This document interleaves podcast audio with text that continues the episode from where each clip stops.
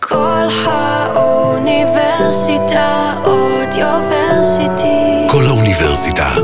מרכז האודיו של אוניברסיטת רייכמן. ענייני השעה. פרופסור ליאב אורגד ופרופסור יניב רוזנאי משוחחים על האתגרים הגדולים של המשטר הדמוקרטי בישראל, בישראל ובעולם. ברוכות וברוכים הבאים לפודקאסט ענייני השעה של מרכז רובינשטיין לאתגרים חוקתיים באוניברסיטת רייכמן. ב-7 באוקטובר, בוקר שמחת תורה, פלשו כוחות ארגוני הטרור של החמאס והג'יהאד האיסלאמי הפלסטיני לשטח ישראל. במהלך הפלישה, כוחות ארגוני הטרור ביצעו מעשי עינויים, אונס, חטיפה ורצח בתושבי ישראל ובחיילי צה"ל. נכון לשעה זו יש למעלה מ-240 חטופים בעזה וכ-1,400 נרצחים ונופלים. ממשלת ישראל הכריזה על מלחמה, מלחמת חרבות ברזל. הפרק של היום מוקדש לדיון בשאלה מהו תפקידה של התקשורת בזמן מלחמה. האם התקשורת מצליחה לספק נקודת מבט מהימנה לגבי המלחמה? כיצד הדיווחים החדשותיים משפיעים על ההבנה שלנו את המציאות? כיצד נוצר טשטוש בין עובדות לנרטיבים בעולם התקשורת? האם הפרשנות הפוליטית והצבאית של אנשי התקשורת תורמת בכלל לשיח ניואנסי? האם התקשורת מבצעת ביקורת אפקטיבית על התנהלות הממשלה? ואיך אנשי התקשורת יכולים לבצע את תפקידם ככלבי השמירה של הדמוקרטיה בעת לחימה? אני פרופסור יניב רוזנאי, ויחד איתי באולפן נמצא פרופסור ליאב אורגד, שותפי לדרך במרכז רובינשטיין. האורח שלנו לפרק הזה הוא העיתונאי רביב דרוקר. רביב הוא מבכירי העיתונאים בישראל, חוקר ופובליציסט, מגיש את תוכנית התחקירים המקור, וחתן פרס סוקולוב היוקרתי לתקשורת. שלום רביב, תודה שאתה איתנו. אהלן, שלום חברים, העניינים. אה, אנחנו יחסית בסדר, בהינתן המצב. אנחנו רוצים לפתוח רגע בשאלה כללית. האם מבחינתך, כאיש תקשורת, יש הבדל בין העבודה העיתונאית בזמן אה, שגרה, בימים רגילים, לבין מלחמה, או שיש איזשהו שוני מסוים? יש אה, שוני עצום, יש הבדל תהומי. ההבדל הוא שבזמן מלחמה, האינטרס העיתונאי, אם יש התנגשות חזיתית עם האינטרסים של אה, מדינת ישראל במלחמה. כמו שמפרש אותם העיתונאי, אז יש פה הרבה הסתייגויות, האינטרס העיתונאי צריך לסגת. המידע שאתה חושב בזמן שגרה שהוא חייב לצאת לאור, יכול להיות שהוא לא צריך לצאת לאור עכשיו. אפילו אה, לעתים אה, אמינות המידע. אתה יכול לעשות פשרות לגבי אמינות המידע למען ניצחון של ישראל במלחמה. כלומר, לגמרי להכפיף את האינטרס העיתונאי לאינטרס של הניצחון במלחמה. ומורל אוכלוסייה, וזה דברים מאוד חשובים. העניין הוא שבמדינה דמוקרטית, עם סטנדרטים מאוד מסוימים של ציפיות של הציבור מהתקשורת, אתה צריך אה, נורא להיזהר בפרשנות של מה שאמרתי עכשיו. א', לא לאבד את הקהל שלך, אם אתה מסדר דברים לא אמינים, או לא משדר דברים שכולם יודעים ואתה לא משדר כי אתה חושב שעכשיו ככה אתה מעלה את המורל של האוכלוסייה, אז אתה פשוט uh, תהפוך להיות כל הרע מקהיר. ואז אתה פוגע גם באינטרס של ישראל לנצח המלחמה, כי כלי התקשורת הישראלים לא אמינים, ואנשים מתחילים לראות כלי תקשורת אחרים או ליזון מרשתות חברתיות. אבל רביב, אתה כ- כאזרח, כמובן, כולנו רוצים לנצח במלחמה. אתה נכנסת לאולפן, המצלמות uh, turn on, אתה אזרח או עיתונאי? מה אתה יותר? כמובן, כעיתונאי, הרצון שלנו, כולנו ביחד ננצח, ויש לנו גם דברים נוספים שאנחנו צריכים כעיתונאים לעשות. תשמעו, אפשר לדון בדיון התיאורטי הזה המון המון זמן. בואו נפרוט אותו לדוגמאות, כי כן, אז... אה, דילמה פרקטית. נאום נסראללה, יום שישי, נסראללה נואם. נאום חשוב מאוד, עיתונאית, הכי חשוב שיש. חיכינו לו כמה ימים, וברור שזה יכול להיות מתחילת מלחמה בצפון, שתשפיע ישירות על החיים של כל אחד מאיתנו, ועד אה, אין מלחמה בצפון, שלהעביר או לא להעביר. ב-2006 העברנו, במלחמת לבנון השנייה העברנו, ספגנו המון ביקורות.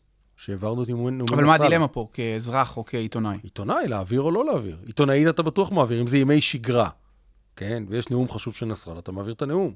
לא את כולו, עשר דקות.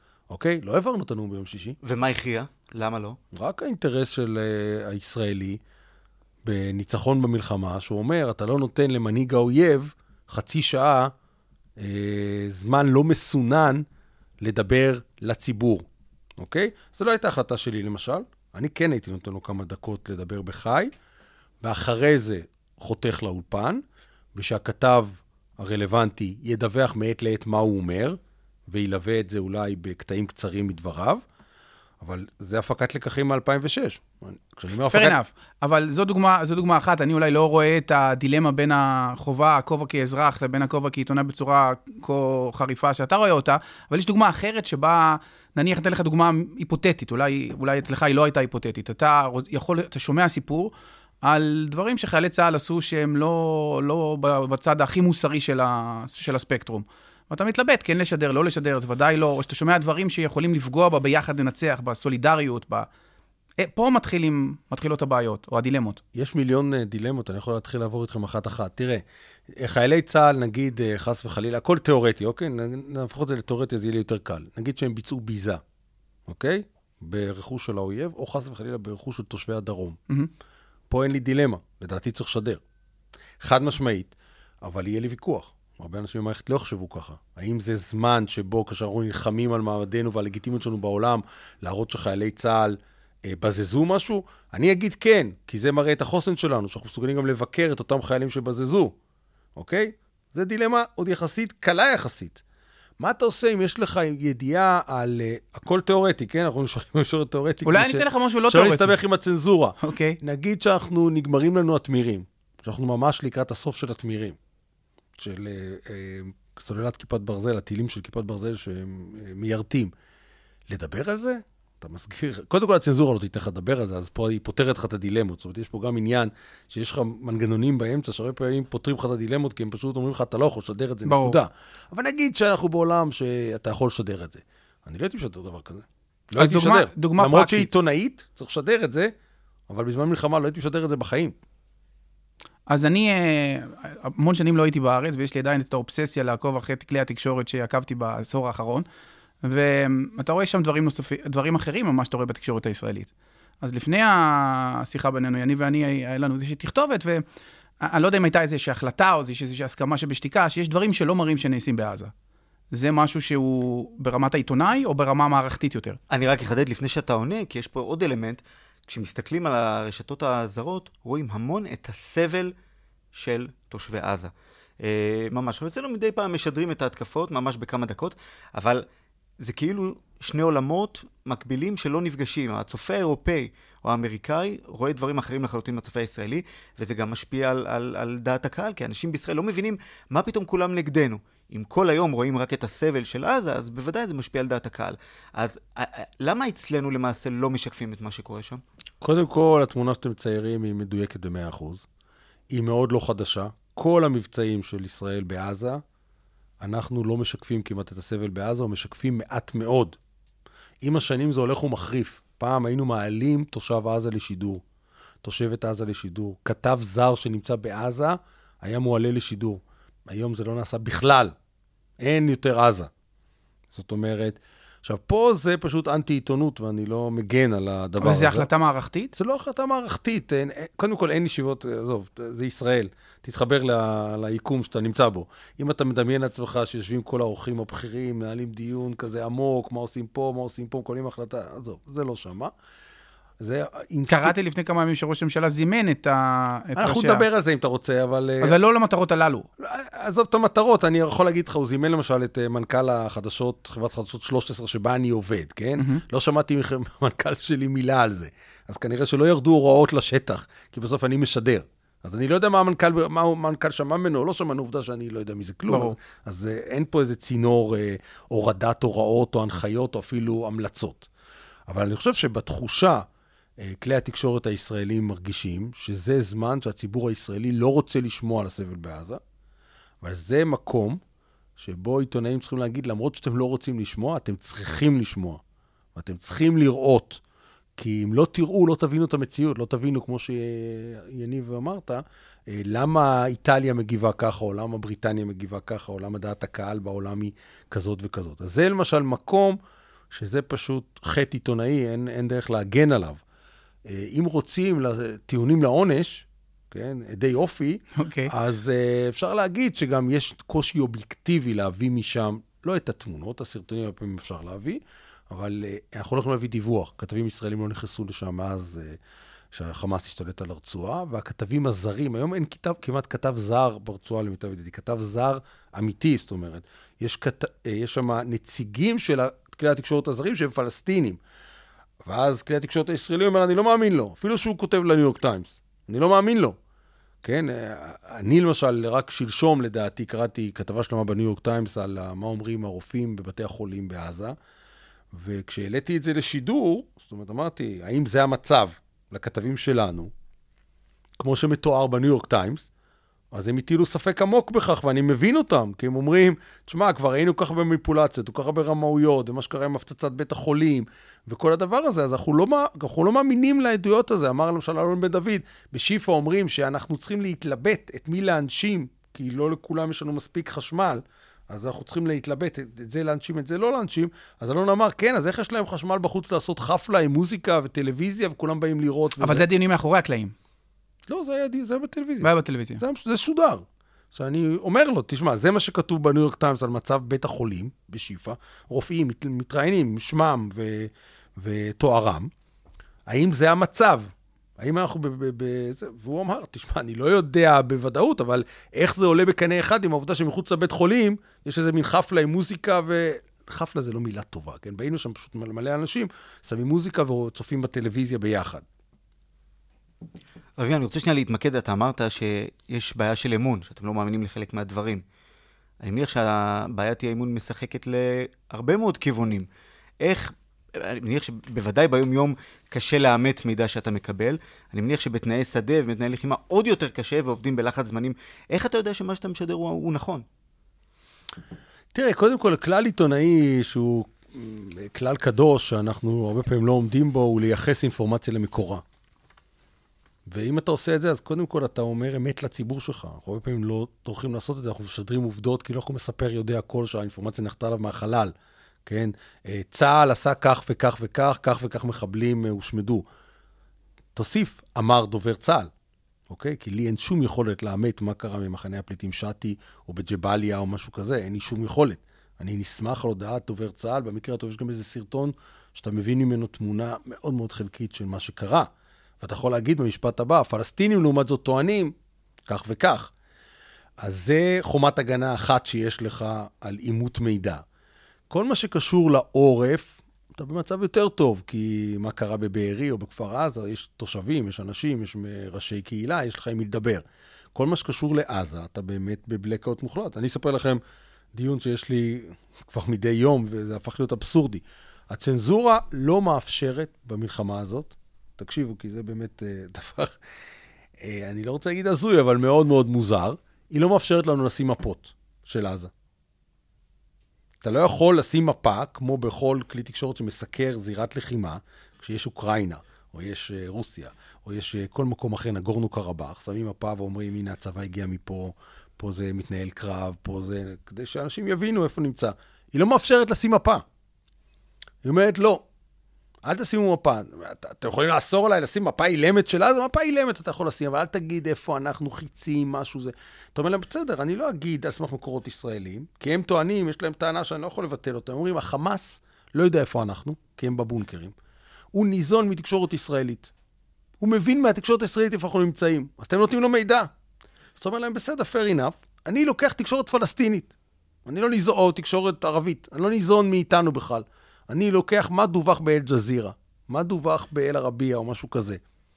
אז אומרים לך, בסדר, אבל אם אתה מדווח את זה, את מה שדווח באל-ג'זירה, אתה נותן אישור לחמאס, כי הם מבינים שאם אתה אומר את זה, אז זה בעצם אומר שאתה מאשר שזה נכון. אז אל תגיד. אז אין מפות. ותמונת הקרב עכשיו, אתה תגיד לי, מה אכפת לגברת גולדשטיין מרעננה, או למר אבוטבול מאלוהים יודע איפה, אם אנחנו נמצאים שני קילומטר משיפה, או שלושה קילומטר משיפה. נכון, אבל זה תפקיד העיתונות. בסוף אתה צריך לתת תמונה של הקרב. כשבא ראש הממשלה ואומר, אנחנו נלחמים בתוך העיר עזה, אנחנו בתוך העיר עזה. אתה רוצה להגיד, רגע, אנחנו בתוך העיר עזה, או שאנחנו בפאתים של עזה? יש לזה איזה הבדל די משמעותי. ואתה יכול להגיד את זה בטקסט, אתה לא יכול להראות את זה בגרפיקה. אביב, כן. נדמה לי שמה שאמרת עכשיו, אביב, מתחבר לתפיסה אה, עמוקה יותר במלחמה הזו, שיש ממש ערפל קרב לגבי מה שקורה. כלומר, בסבבים הקודמים תמיד ראינו בדיוק אה, מסרים הרבה יותר מדויקים לגבי המהלכים הצבאיים ואיפה הכוחות, ועכשיו, כלומר, חלק מהמהלך המלחמתי זה גם ערפל תקשורתי. אז נראה שזה מכוון. אה, אה, רגע, זה מכוון, אבל אני חולק עליך שבמהלכים הקודמים ידענו יותר. מה היה קורה במהלכים קודמים שרובם היו רק אוויריים? צה"ל יצא להפציץ את זה ואת זה ואת זה. דובר צה"ל הודיע שיש תוצאות אה, מדהימות להפצצה, כך וכך יעדים חוסלו, מחבלים חוסלו, יעדי שיגור וזה וזה וזה. הייתה לנו יכולת בקרה או פיקוח או משהו? ממש לא, כן? אין לנו כתב בשטח. אנחנו יכולים מקסימום להסתמך על מקורות בעזה, שאנחנו לא כל כך מאמינים להם, אבל זה המקסימום שיש. היה נגמר המבצע, צה"ל היה מודיע, או ראש הממשלה היה מודיע, ששינינו את המשוואה, חיסלנו אותם, השגנו אותם 100 שנה לאחור, 15 שנה הם לא יעזו לתקוף אותנו, ואין לנו שום יכולת לוודא את הדברים האלה. יש כמה דברים אובייקטיביים שאתה יודע, קיום צמרת החמאס קיים או לא, יכולת שיגור, אתה יודע אם היא קיימת או לא, כי אתה נכנס למקלט. אה, אה, תת-קרקע, קיים או לא? אם אתה לא רואה שהוא התפוצץ והם ממשיכים לחיות, אז כנראה הוא קיים. אז יש לך כמה פרמטרים אובייקטיביים. מעבר לזה, במבצעים הקודמים, ובמבצע הזה, יכולת הידיעה האמיתית שלך היא קצת מעורפלת, אבל בוא נגיד את האמת, זה ככה ברוב המלחמות, גם אוקראינה, רוסיה, זה היה ככה בהרבה מקומות, לא ידעו איפה האוקראינים ואיפה הרוסים ומה תמונת הקרב, עד שהוא הסתיים. אני רוצה רגע לחזור לנושא המקורות, אה, שאתה אומר, המקורות דובר צה"ל, המקורות ש... כשאתה מסתכל על עיתונאים קולגות בעולם, שאתה מעריך, תיקח את האנשים שאתה הכי מעריך, שהם אמינים, ויש פער פשוט מטורף. אז כמובן, אנחנו, אחת, אחת האופציות שאנחנו יכולים להגיד, זה כולם שונאים אותנו, וזה אנטישמיות, וזה אנטי-ישראליות, ויש איזשהו טרנד, וחטאנו, אבינו, פשענו, ו... יש אופציה נוספת שהעיתונים, מנקודת מבט, העיתונאים עושים את עבודתם מנקודת מבטם נאמנה, ופשוט יש להם מקורות אחרים. יש אופציה כזאת שאתם אבל פשוט... אבל מה, ת, תמקד אותי, מה הם מדווחים שם? הסבל בעזה אני מבין, אבל מה, על תמונת הקרב, אני לא חושב שיש uh, דיווחים אחרים בכלי תקשורת בעולם ממה שאנחנו מדווחים. זה יכול להיות נושא של אחריות. ל-VBC לקח, וגם כן, כשההפצצה שהייתה uh, מהטיל, uh, מהרקטה שנחתה של החמאס בבית החולים, זה לקח כמה ימים, וגם כן, לא כל כלי התקשורת חזרו. אני ראיתי איזשהו תחקיר ב-BBC שאמרו, אפשר ככה ואפשר ככה, ויש מקורות כאלה ויש מקורות אחרים. ואז הנושא הרי לא, לא הכל עובדות, יש פרשנות, והפרשנות נסמכת על מקורות, והמקורות יש להם אידיאולוגיות, ואני מנסה להבין האם זה באמת שכולם אנטישמים, או שיש עיתונאים שהם, שאתה מעריך, לכן אמרתי, עיתונאים שאתה חושב שהם אמינים, ו, ואז איפה, הם, איפה, איפה לדעתך, מה מסביר את הפערים הללו? אני מעריך מאוד את רוב כלי התקשורת הידועים בעולם, צורך אותם, ולא חושב שהם אנטישמים או אנטי-ישראלים. אני גם לא חושב שה-BBC הוא אנטישמי או אנטי-ישראלי. הוא עשה טעות עיתונאית. בסיפור של בית החולים, הוא אגב הכיר בה. מה שאף כלי תקשורת ישראלי, כשעושה טעויות, לא עושה אף פעם. הם עשו תחקיר והם הודו שהם טעו. גם הניו יורק טיימס הודה לאחר מכן, עשה תחקיר, והודה מעל דפיו שהוא טעה. במה הוא טעה? כשיש לך ש... אירוע מתגלגל, שאין לך שום יכולת עצמאית לדעת מה קרה שם, יש לך לצטט מקורות פלסטינים ולצטט מקורות ישראלים. אם אתה נותן בכותרת רק את הטענה הפלסטינית, בפושים, ומריץ את זה שעות על שעות, כן? במקרה הטוב אתה כותב גורמים פלסטינים טוענים, ולפעמים אתה אפילו מוריד את זה ושם את זה במשנה או בתוך הידיעה החבוי. ואת הטענה הישראלית שבשעות הראשונות הייתה, אנחנו לא יודעים, בודקים, אבל תוך שלוש שעות, ארבע שעות, אמרו, כמעט בוודאות זאת רקטה כושלת של הג'יהאד האיסלאמי. אם אתה לא נותן לפחות משקל שווה לשתי הטענות האלה, מבחינת הבולטות שלהם, אתה עושה חטא עיתונאי. כי אם אני אומר עליך... ואנחנו כן נותנים כעיתונאים בישראל משקל שווה לשתי הטענות? חד משמעית לא. אבל תלוי מול מה אתה מדבר. אנחנו אני... צריכים לתת? ברור, ברור. כשיש, רגע, כשיש מלחמה, אתה נותן הרבה יותר משקל לדובר צה"ל. אני מדבר איתך כשאנחנו מסקרים קונפליקטים בחו"ל, כן? ברור שאנחנו הרבה פעמים לא עושים מספיק, כי לא אכפת לנו. האוקראינים טוענים שהפציצו זה, אנחנו נותנים את הטענה האוקראינית וזהו. ואת הרוסים, את ההכחשה הרוסית, אנחנו שמים במקום 19. לגבי כשזה מלחמה, אמרתי לכם מההתחלה, האינטרס העיתונאי נדחק. אנחנו נותנים פי אלף יותר משקל לטענות דובר צה"ל, לא, בסדר. לטענות חמאס. אבל למה זה אינטרס עיתונאי? לא... זה אינטרס שלך כאזרח. זה אינטרס שלי כאזרח. האינטרס העיתונאי שלך הוא לא בהכרח לתת אה, עדיפות לדובר צה"ל. אני אתן לך דוגמה מאתמול. אתמול היה את ה...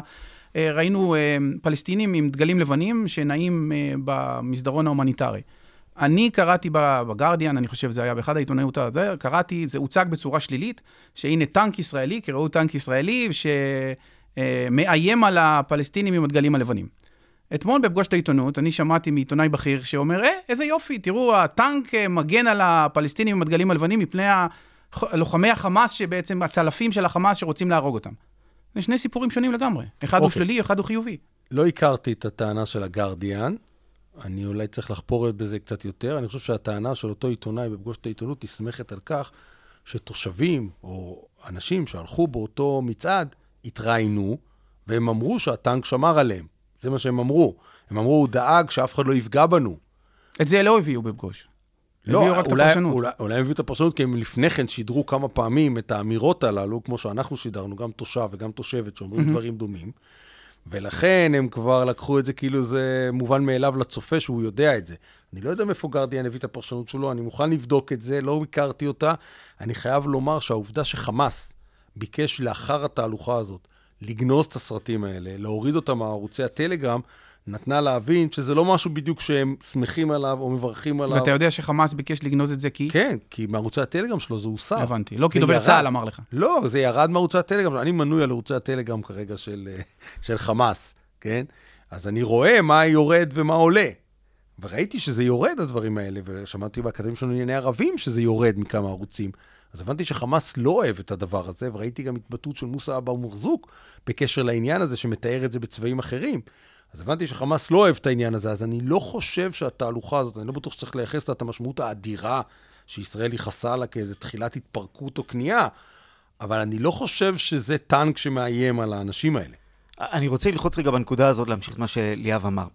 כאילו אתה יוצא, וזו הייתה התשובה הראשונה שלך מנקודת אה, הנחה, שחלק מהתפקיד שלך כאיש תקשורת ישראלי, זה לסייע לישראל במלחמה, לא להרפות את אה, רוח אה, אה, האזרחים, וזה ישפיע על השיקולים שלך.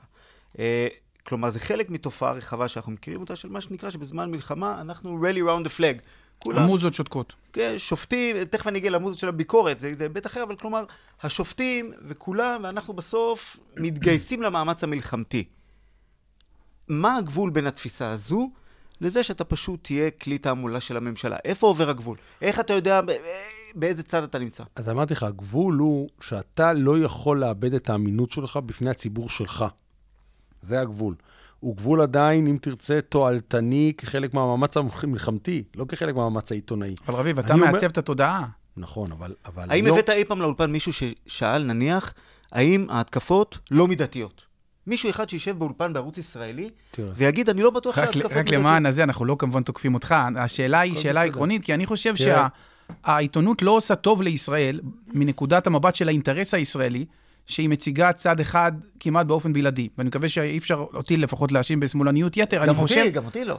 גם אותך, אפשר לדבר על זה. כן. אבל אני חושב ש, שה, ה, שזה יוצר דיסוננס, שאנשים, אתה יודע, אימא שלי אומרת, מה הם רוצים? מה, בוא, הנה, תראה. אז אני מנסה לומר לה שהם רוצים כי יש עוד גישה שפשוט לא... אז עוד פעם, בואו בוא נפריד uh, בין דברים. Uh, סבל בעזה, אמרתי לכם, זה פשוט חטא עיתונאי, ואני לא מגן עליו. Uh, אפשר לבדוק את השידורים שלי, האם אני מבטא את זה או לא מבטא את זה, ולמתוח ביקורת אישית. לגבי העניין שאתה uh, דיברת, האם uh, יש מישהו ששואל את השאלות על מידתיות ופרופורציונליות בפעולה? מעט מאוד, מעט מאוד. היום למשל גדעון לוי יהיה אצלי באולפן, אני מניח שהוא יעלה את זה, הוא כן מעלה את העניין הזה, האם אנחנו מידתיים בפעולה.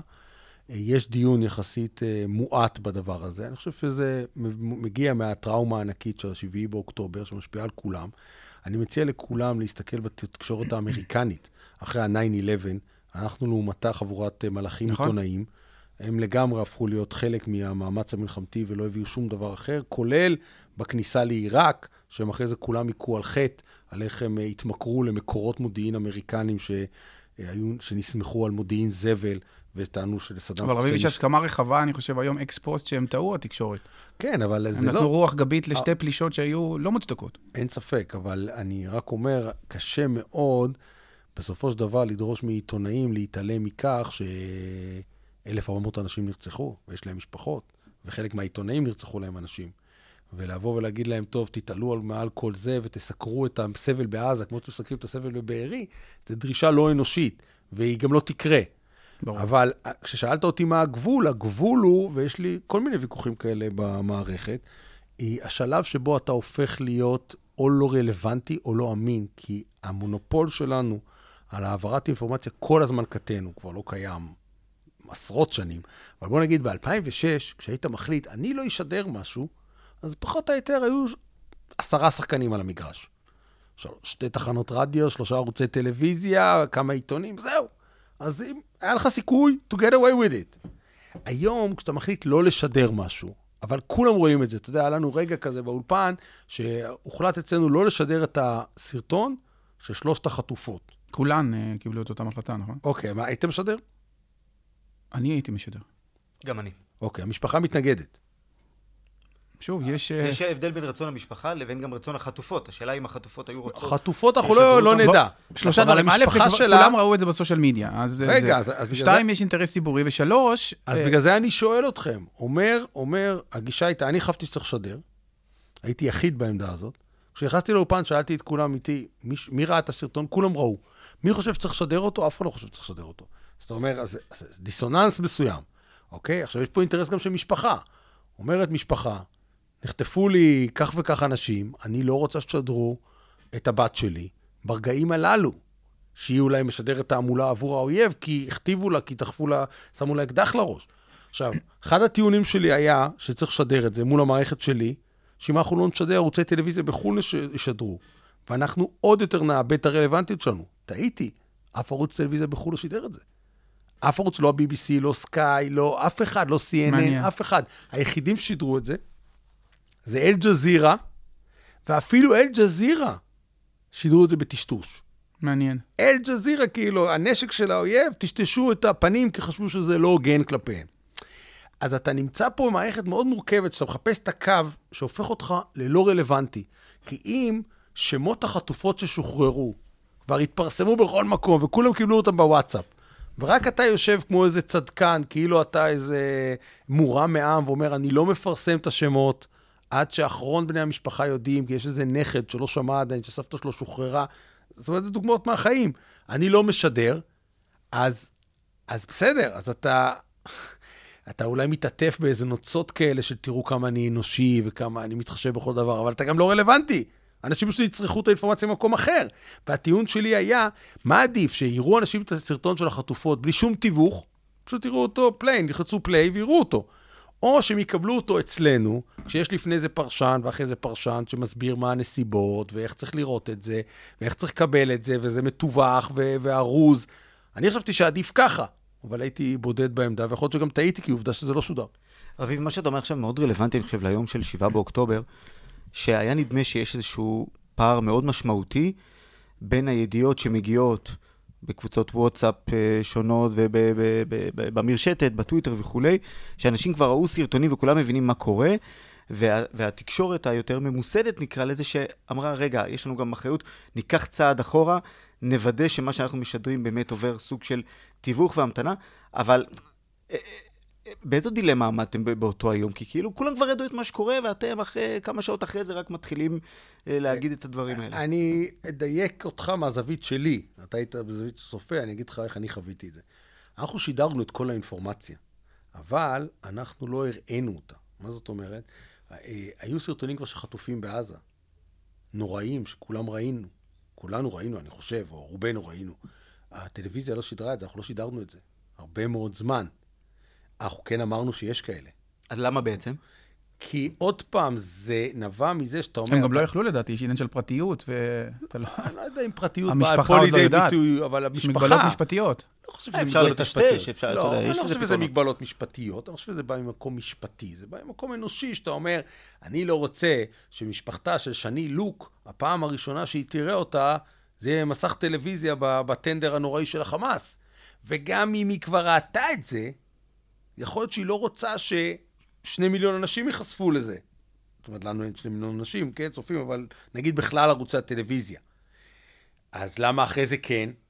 זה רלוונטי, זה לא רלוונטי. עכשיו, תמיד יש את הפתרון הזה של הטשטוש, הוא הרבה פעמים פתרון שעובד, אבל הרבה פעמים הוא בעצם מעקר את כל האינפורמציה. כי אם האינפורמציה היא שהטבח הוא אכזרי, ואתה רוצה להראות שהייתה אכזריות, כמו ההתלבטות לגבי אה, סרטון הסרט ה-47 דקות של דובר צה"ל. דובר- דובר צה"ל. אז אם אתה בסוף מטשטש את כל האיברים המוצנעים, ואת הגוף, ואת הגופה, ואת הכל, אז בסוף זה לא מחריד אף אחד, ואתה גם לא מוכיח שום דבר, כן? כי אתה בסוף טשטשת את הכל, כדי לחמול על רגשות הצופים. זאת אומרת, זה הכל, אה, זה הכל דילמות שבסופו של דבר משהו ייפגע. אין לך פה איזה פתרון קסמים. אני אטשטש, ואז אני גם הבאתי את האינפורמציה, וגם אה, חמלתי על רגשות. זה לא ככה, כי אתה לא הבאת את האינפורמציה האמיתית. אינפורמציה אמיתית באה לידי ביטוי רק כשרואים את הגועל נפש עד הסוף. אתה לא רוצה לעשות את זה.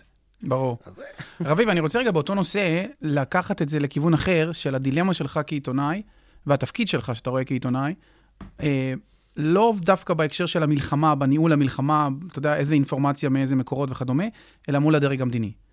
וכאן אני שוב חושב, אני פשוט נגד איזשהן גישות אה, דוגמטיות. היה, לנו את הנושאים האלה כשהיה את המחאה ואת המהפכה, שהאקדמיה המשפטית בעיניי דיברה בקול אחד, מבלי להראות את הניואנסים של הדברים שיש גם קול אחר, שגם הייתה ביקורת על בית המשפט שהחביאו אותה המון חודשים. אני אגיד למאזינים שלא רואים את זה צ- בצפייה, שאתה החבאת בגופך לעבר אה, פרופסור אוזנאי, כאילו הוא אלה הדוגמטי שמדבר בקול אחד. לא, הוא... תמשיך, תמשיך, רק פשוט לא כולם רואים, שנדע על מי הביקורת, כן?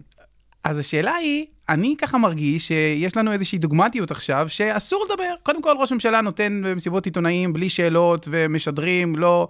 בעיניי מוזר. שתיים, אני יכול לתת דוגמאות מכאן ועד הודעה חדשה. שתיים, נראה לי שכל העניין הזה של ה... אמ, ואני לא מדבר על הביחד ננצח ועל הדגלים ועל ה... אלא שלא מבקרים יותר מדי את הממשלה. מש... ביום שאחרי מחר נדון בזה ויש דברים...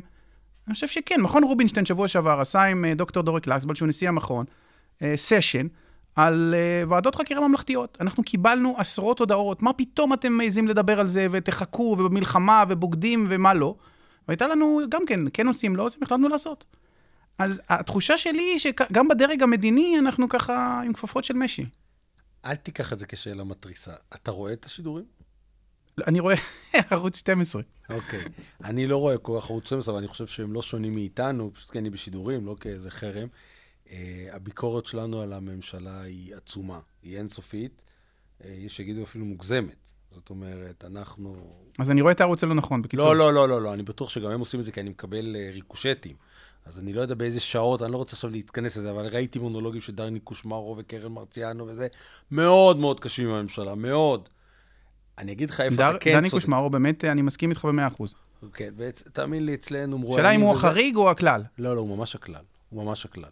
אה, אצלנו זה אינסופי, אני לא רוצה אפילו להתחיל למנות את זה, התוכנית שלי אה, היא מאוד מאוד ביקורתית. אבל, שנייה, אני אגיד לך איפה אתה כן צודק. אנשים, אה, יש להם איזו נטייה עכשיו, אל תכניסו את הפוליטיקה עכשיו. אל תיכנסו לפוליטיקה. אל תעשו דיון האם ביבי צריך לעזוב עכשיו. למה או- לא? רגע, אני אומר מה התחושה, אני לא אומר שזה מה שזה. וזה באמת שאלה שמקבלת, נגיד, תת-סיקור יחסית, היא עדיין קיימת. אל תכניסו את השאלה האם המחאה נגד הרפורמה המשפטית גרמה לסינואר להרגיש שאנחנו חלשים, או ההפך, האם המהפכה המשפטית גרמה למה שקרה. זה דווקא ראש הממשלה הכניס בעקיפין לפני כמה נכון. הוא הכניס, והיו דיונים על זה, אבל אני אומר, זה דבר שאנשים נמנעים. לא להכניס פוליטיקה, זה רק מצד אחד של המפה הפוליטית, זה לא... אני אתן לך את הדוגמה הכי טובה. באחד הימים הראשונים של המלחמה, גלית דיסטל עלתה לשידור, ואני ביקשתי לשאול שאלה, אני לא הייתי בעמדת המגיש, בעמדת הפרשן, וזה התפתח לוויכוח אה, די אה, לוהט, שבה, שבו אני תקפתי אותה, והיא אמרה שם את המשפט, שכשאני האשמתי אותה ואת הממשלה הזאת וזה, היא אמרה, כן, ומה עם דני קושמרו, שטען חודש לפני המלחמה שאין לנו חיל אוויר? האם זה לא מה שגרם לסינואר לעשות? אחרי זה היא התנצלה על זה וגם התפטרה. אבל את כל זה אני מספר לך, כי באמצע הדיון הלוהט, המגישה, אה, נטלי שם טוב, כאילו, אמרה, אני, אני לא יכולה עדיין לשמוע את הדיונים האלה, אני מבקשת להפסיק, והיא הפסיקה את הדיון. ואחרי זה גם מתחו עליה ביקורת, חלק אהבו את ההחלטה שלה וחלק לא אהבו את ההחלטה שלה, והיא גם הסבירה אותה. היא אמרה, תשמע, אני ביום השלישי למלחמה, עם כל הטבח והדם וזה, אני עוד לא פנויה לעשות את ה... את ה... עוד פעם, את הוויכוח הפוליטי הזה, שאנחנו משני צדדים של המתרס ונלחמים על מי אשם, כש...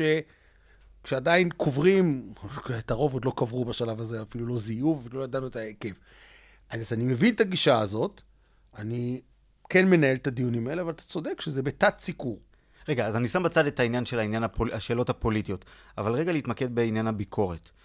אה, אגב, אני איתך, אני חושב שיש יש ביקורת אה, די רבה, ב, לפחות בתקשורת המיינסטרימית אה, כלפי הממשלה, אבל אני רוצה לשאול ברמה הנורמטיבית, האם בזמן מלחמה, התפיסה הביקורתית שהתקשורת היא כלב השמירה וכולי, האם היא מתחזקת או שהיא נחלשת?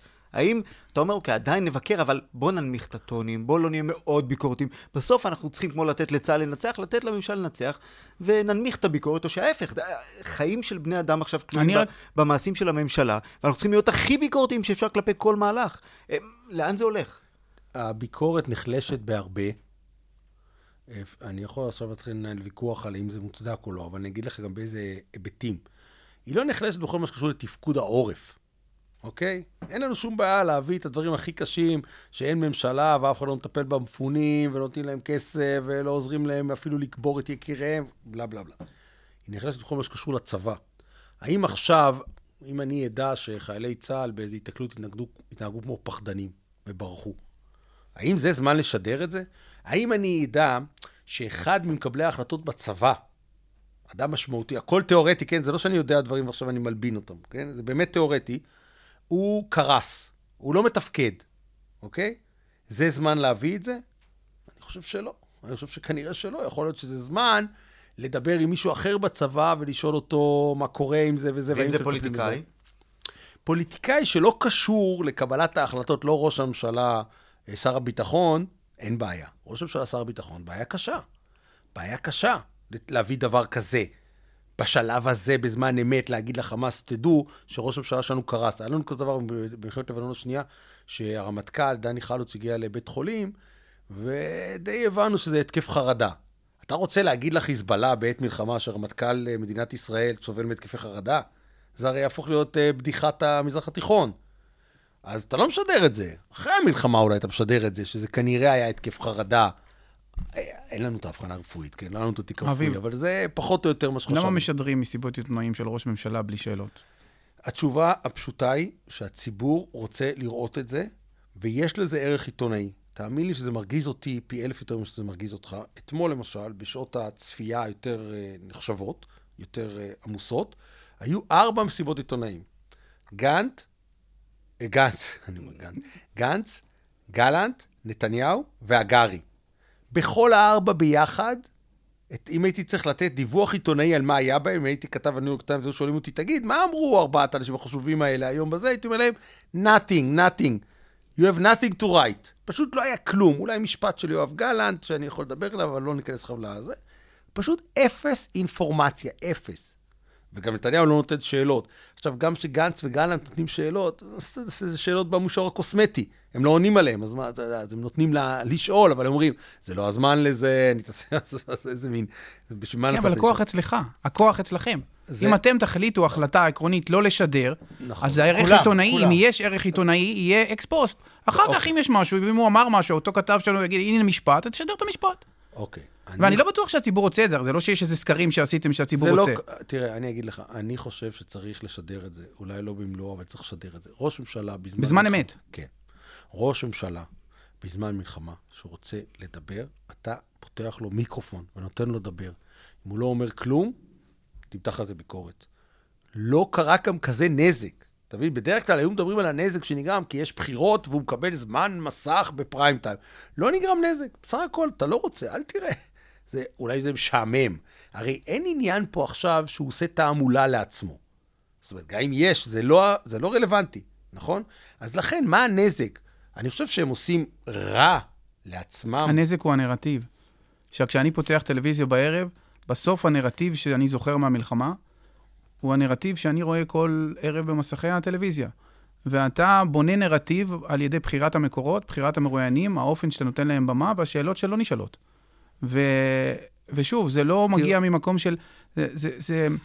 אולי השנים שלא הייתי בארץ, אני לא יודע, אבל אני חושב שיש שאלות ויש דברים שצריך לדבר עליהם, ולא... לנו היה סרטון של אוריאל דסקל שהוא אמר, כן, צ'מברליין החליפו אותו במלחמה, צ'רצ'יל זה, זה היה דבר טוב לעשות. תראה, אבל זה לא שיש במלחמה לא... זה מין קונספציה וסיפור שפשוט לא נכון. לא נכון היסטורית, ובעיניי גם לא נכון מוסרית. תראה, אם היה לנו שעה חדשות, ומתוכה היינו מפקיעים 40 דקות לשמוע את בנימין נתניהו, אתה צודק ב-100%, כי אז אין זמן לדון בדברים האחרים. המצב הוא שאנחנו משדרים 24 שעות חדשות, אוקיי? נתניהו משתלט על 15 דקות. אחרי ה-15 דקות, אנחנו דנים במה שהוא אמר ובשאלות שאתה מדבר עליהן, רבע שעה. והרבה פעמים מבקרים אותו, נכנסים בו, מדברים בדיוק על מה שאתה מדבר. על השאלה אם נתניהו כשיר או לא כשיר, אם הוא צריך להמשיך, הוא צריך לפטר אותו ממש עכשיו, עשינו סקרים. זאת אומרת, בתוך כדי מלחמה עשינו סקרים, ראש הממשלה צריך להתפטר מתפקידו, האם הוא כשיר לניהול המלחמה, כן? האם אתה סומך עליו בניהול המלחמה? ושידרנו את כל הדברים האלה, אוקיי? זה לא דבר שהוא מובן מאליו. כי כשאתה אומר אה, לציבור בזמן מלחמה, שהציבור הישראלי לא סומך על ראש הממשלה בניהול המלחמה שלו, אתה נותן גם נשק גדול בידי אויביך. אתה בסוף במלחמה. והרבה מהשאלות האלה, אתה אומר, האם זה דחוף שהציבור ידע שלא סומכים על ראש הממשלה בזמן מלחמה? בסוף שידרנו. בעיניי- בעיניי מאוד דחוף. אז שידרנו. כי זה אירוע שיכול להתפתח לעניין קיומי. אני אומר, שידרנו, אבל אתה גם לא, אתה בסוף, אתה חלק מקהילה שצריכה לנצח את המלחמה הזאת. אני, אפשר להתווכח אם זה קיומי או לא קיומי, אבל זה ברור שעומדים פה, החיים שלנו על הכף, גם אם לא עצם החיים, איכות החיים שלנו, הקיום שלנו כמדינה מערבית בשנים הקרובות, אבל על הכף במלחמה הזאת. אתה צריך לנצח אותה. אז הרבה פעמים אתה אומר, אני אמתן את האינפורמציה, אני אמתן את הביקורת, אני אקדיש לה אולי פחות זמן, אני אתן לו את, ה, את הפריבילג' הזה שהוא מקבל דקות שידור יותר ממה שמגיע לו, בלי שאלות.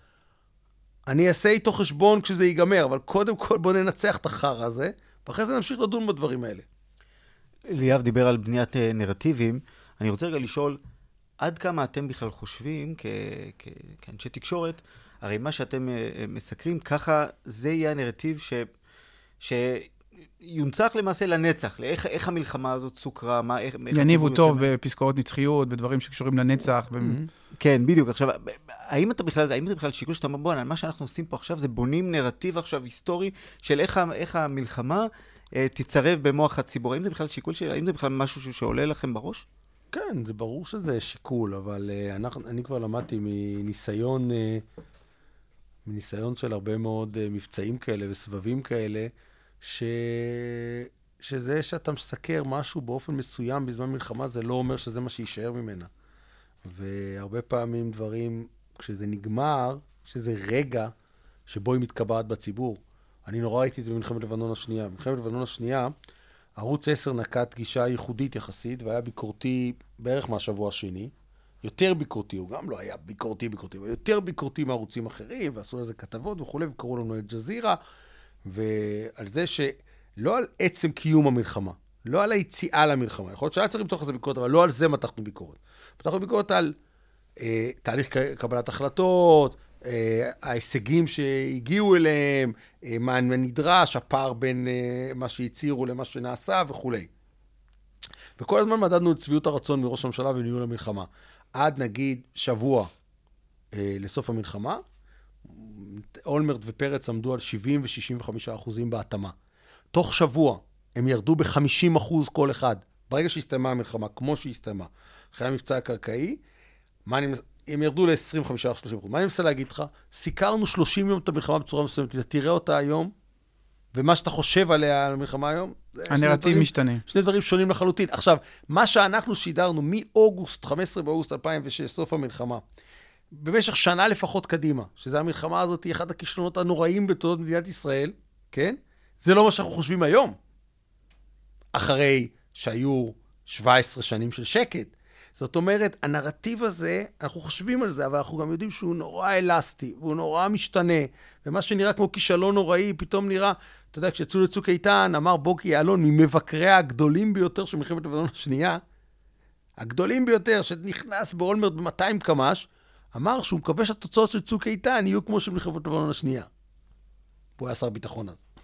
אני רוצה רגע לפני שאנחנו עוברים לשאלות אישיות, לח- לחזור רגע ליום של השבעה באוקטובר. היו המון שעות שאתם הייתם באולפנים, ראיתם דברים שקורים בלייב, אה, ואני תוהה, כלומר, אנחנו כל הזמן מדברים על זה שהיה איזשהו פער, שה, או שהצבא לא תפקד, משהו שם לא עבד, ברור לכולנו. אתה שואל את עצמך, האם היה משהו שאתם הייתם יכולים לעשות אולי, כמובן ברטרוספקטיבה, מעט שונה שאתה אומר, איך, איך לא הקמנו כל זעקה גדולה, לא יודע, איך, אולי הדברים היחידים שאתה חושב שהיית, אתה כעיתונאי היית יכול לעשות, שהיה משנה מעט את, את התמונה. יכול להיות שאני לא מספיק רחוק מהאירועים, כי כרגע אני לא יכול לחשוב על שום דבר כזה, מהסיבה הפשוטה שלא היה לנו, לא, לא ידענו בכלל מה היקף המתקפה. לא היה לנו מושג שמדובר בשלושת אלפים אה, אה, חמאסניקים, שהם אה, מצוידים כמו שהם מצוידים במודיעין, באמצעים. לא רק אנחנו לא ידענו, הצבא לא ידע, התושבים לא ידעו, זאת אומרת, לאף אחד לא הייתה את התמונת מצב הזאת. עכשיו, אולי אני אצליח לחשוב בעתיד איך היינו יכולים לדעת, אבל לא ידענו. ומכיוון שלא ידענו, אז אם אתה תראה את האולפנים של השעות הראשונות, אנחנו כל הזמן עמומים מזה שעוד לא הגיעו כוחות צבא לבארי. או לכפר עזה, שאנחנו שומעים שם תושבים מתוך הממ"דים לוחשים, שולחים לנו אס.אם.אסים, איך אנחנו בטוחים שעוד שנייה צה"ל ישטוף את האזור, ופשוט ינקה את כל המחבלים, ויפציץ אותם, ויגמור את הסיפור הזה. אתה בכלל לא מבין איך זה עוד לא קורה. בדיעבד אתה מבין, כשאתה מבין את היקף הכוח, שהם שלטו על צירים, שהם זה וזה, וגם את המחדלים הצה"ליים העצומים שהיו פה, וזה עוד לא נחשף באופן אה, מלא, אז אתה מבין, אבל בזמן אמת לא הבנו את זה, ואני לא יודע, אני לא יכול לחשוב על דרך שבה היינו יכולים לדעת, לדעת את זה יותר, כי מפקד האוגדה לא ידע, ואלוף הפיקוד לא ידע, ולדעתי ראש הממשלה לא ידע. אף אחד לא הבין את, ה, את ההיקף המטורף שבו הם נמצאים. כל הזמן קיבלנו חלקים מהפאזל, בארי, כפר עזה זה גם קורה. אה, יש איזו מסיבה. ומה קורה במסיבה הזאת? וזה היה ככה, זה היה מאוד מאוד כאוטי. אולי דרך אחת להסתכל על זה היא דווקא לא ב-7 באוקטובר, אלא לפני, באפשרות לתת ביטוי לאנשים כמו אלוף בריק ואחרים, לתת יותר דומיננטיות לגישות אחרות. אה, אבל זה, אתה יודע, חוכמה בדיעבד.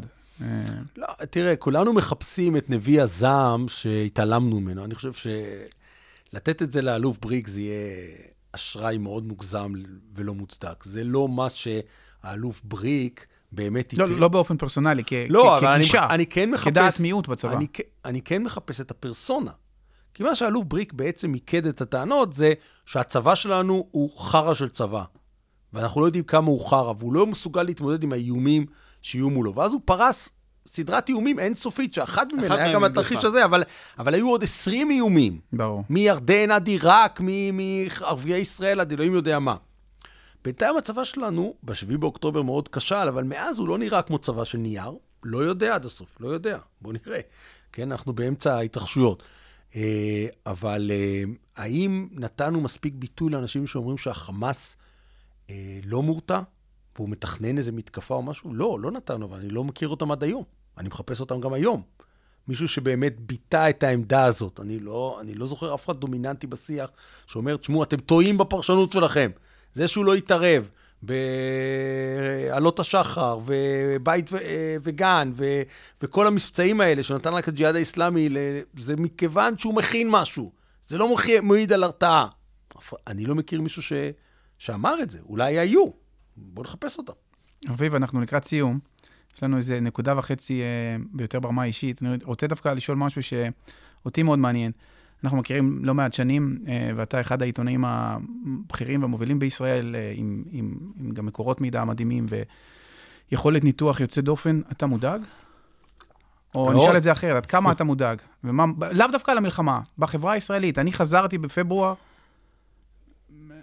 אתה יודע, זה כאילו שדחסו מה שבמדינות אחרות קורה 30 שנה, אם קורה, לתוך שישה, עשרה חודשים. תראה, החברה הישראלית, הייתי הרבה יותר מוטרד לפני השביעי באוקטובר, שזה היה נראה כמו הולך למלחמת אזרחים. עכשיו אני פחות מוטרד, כי זה איחד אותנו, הדבר הנוראי הזה.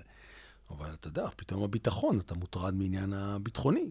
לא צריך לפרט, כי באמת זה יהיה נורא משעמם, כי זה, זה אני חושב, שותף לכל פה מי שנמצא. זאת אומרת, כולנו מכירים את האנשים שלא יוצאים מהבית, או מפחדים על הילדים, או לא רוצים לחיות פה. או, אתה יודע, הנה עוד דבר שאנחנו לא מסקרים כמעט, אם אתם רוצים.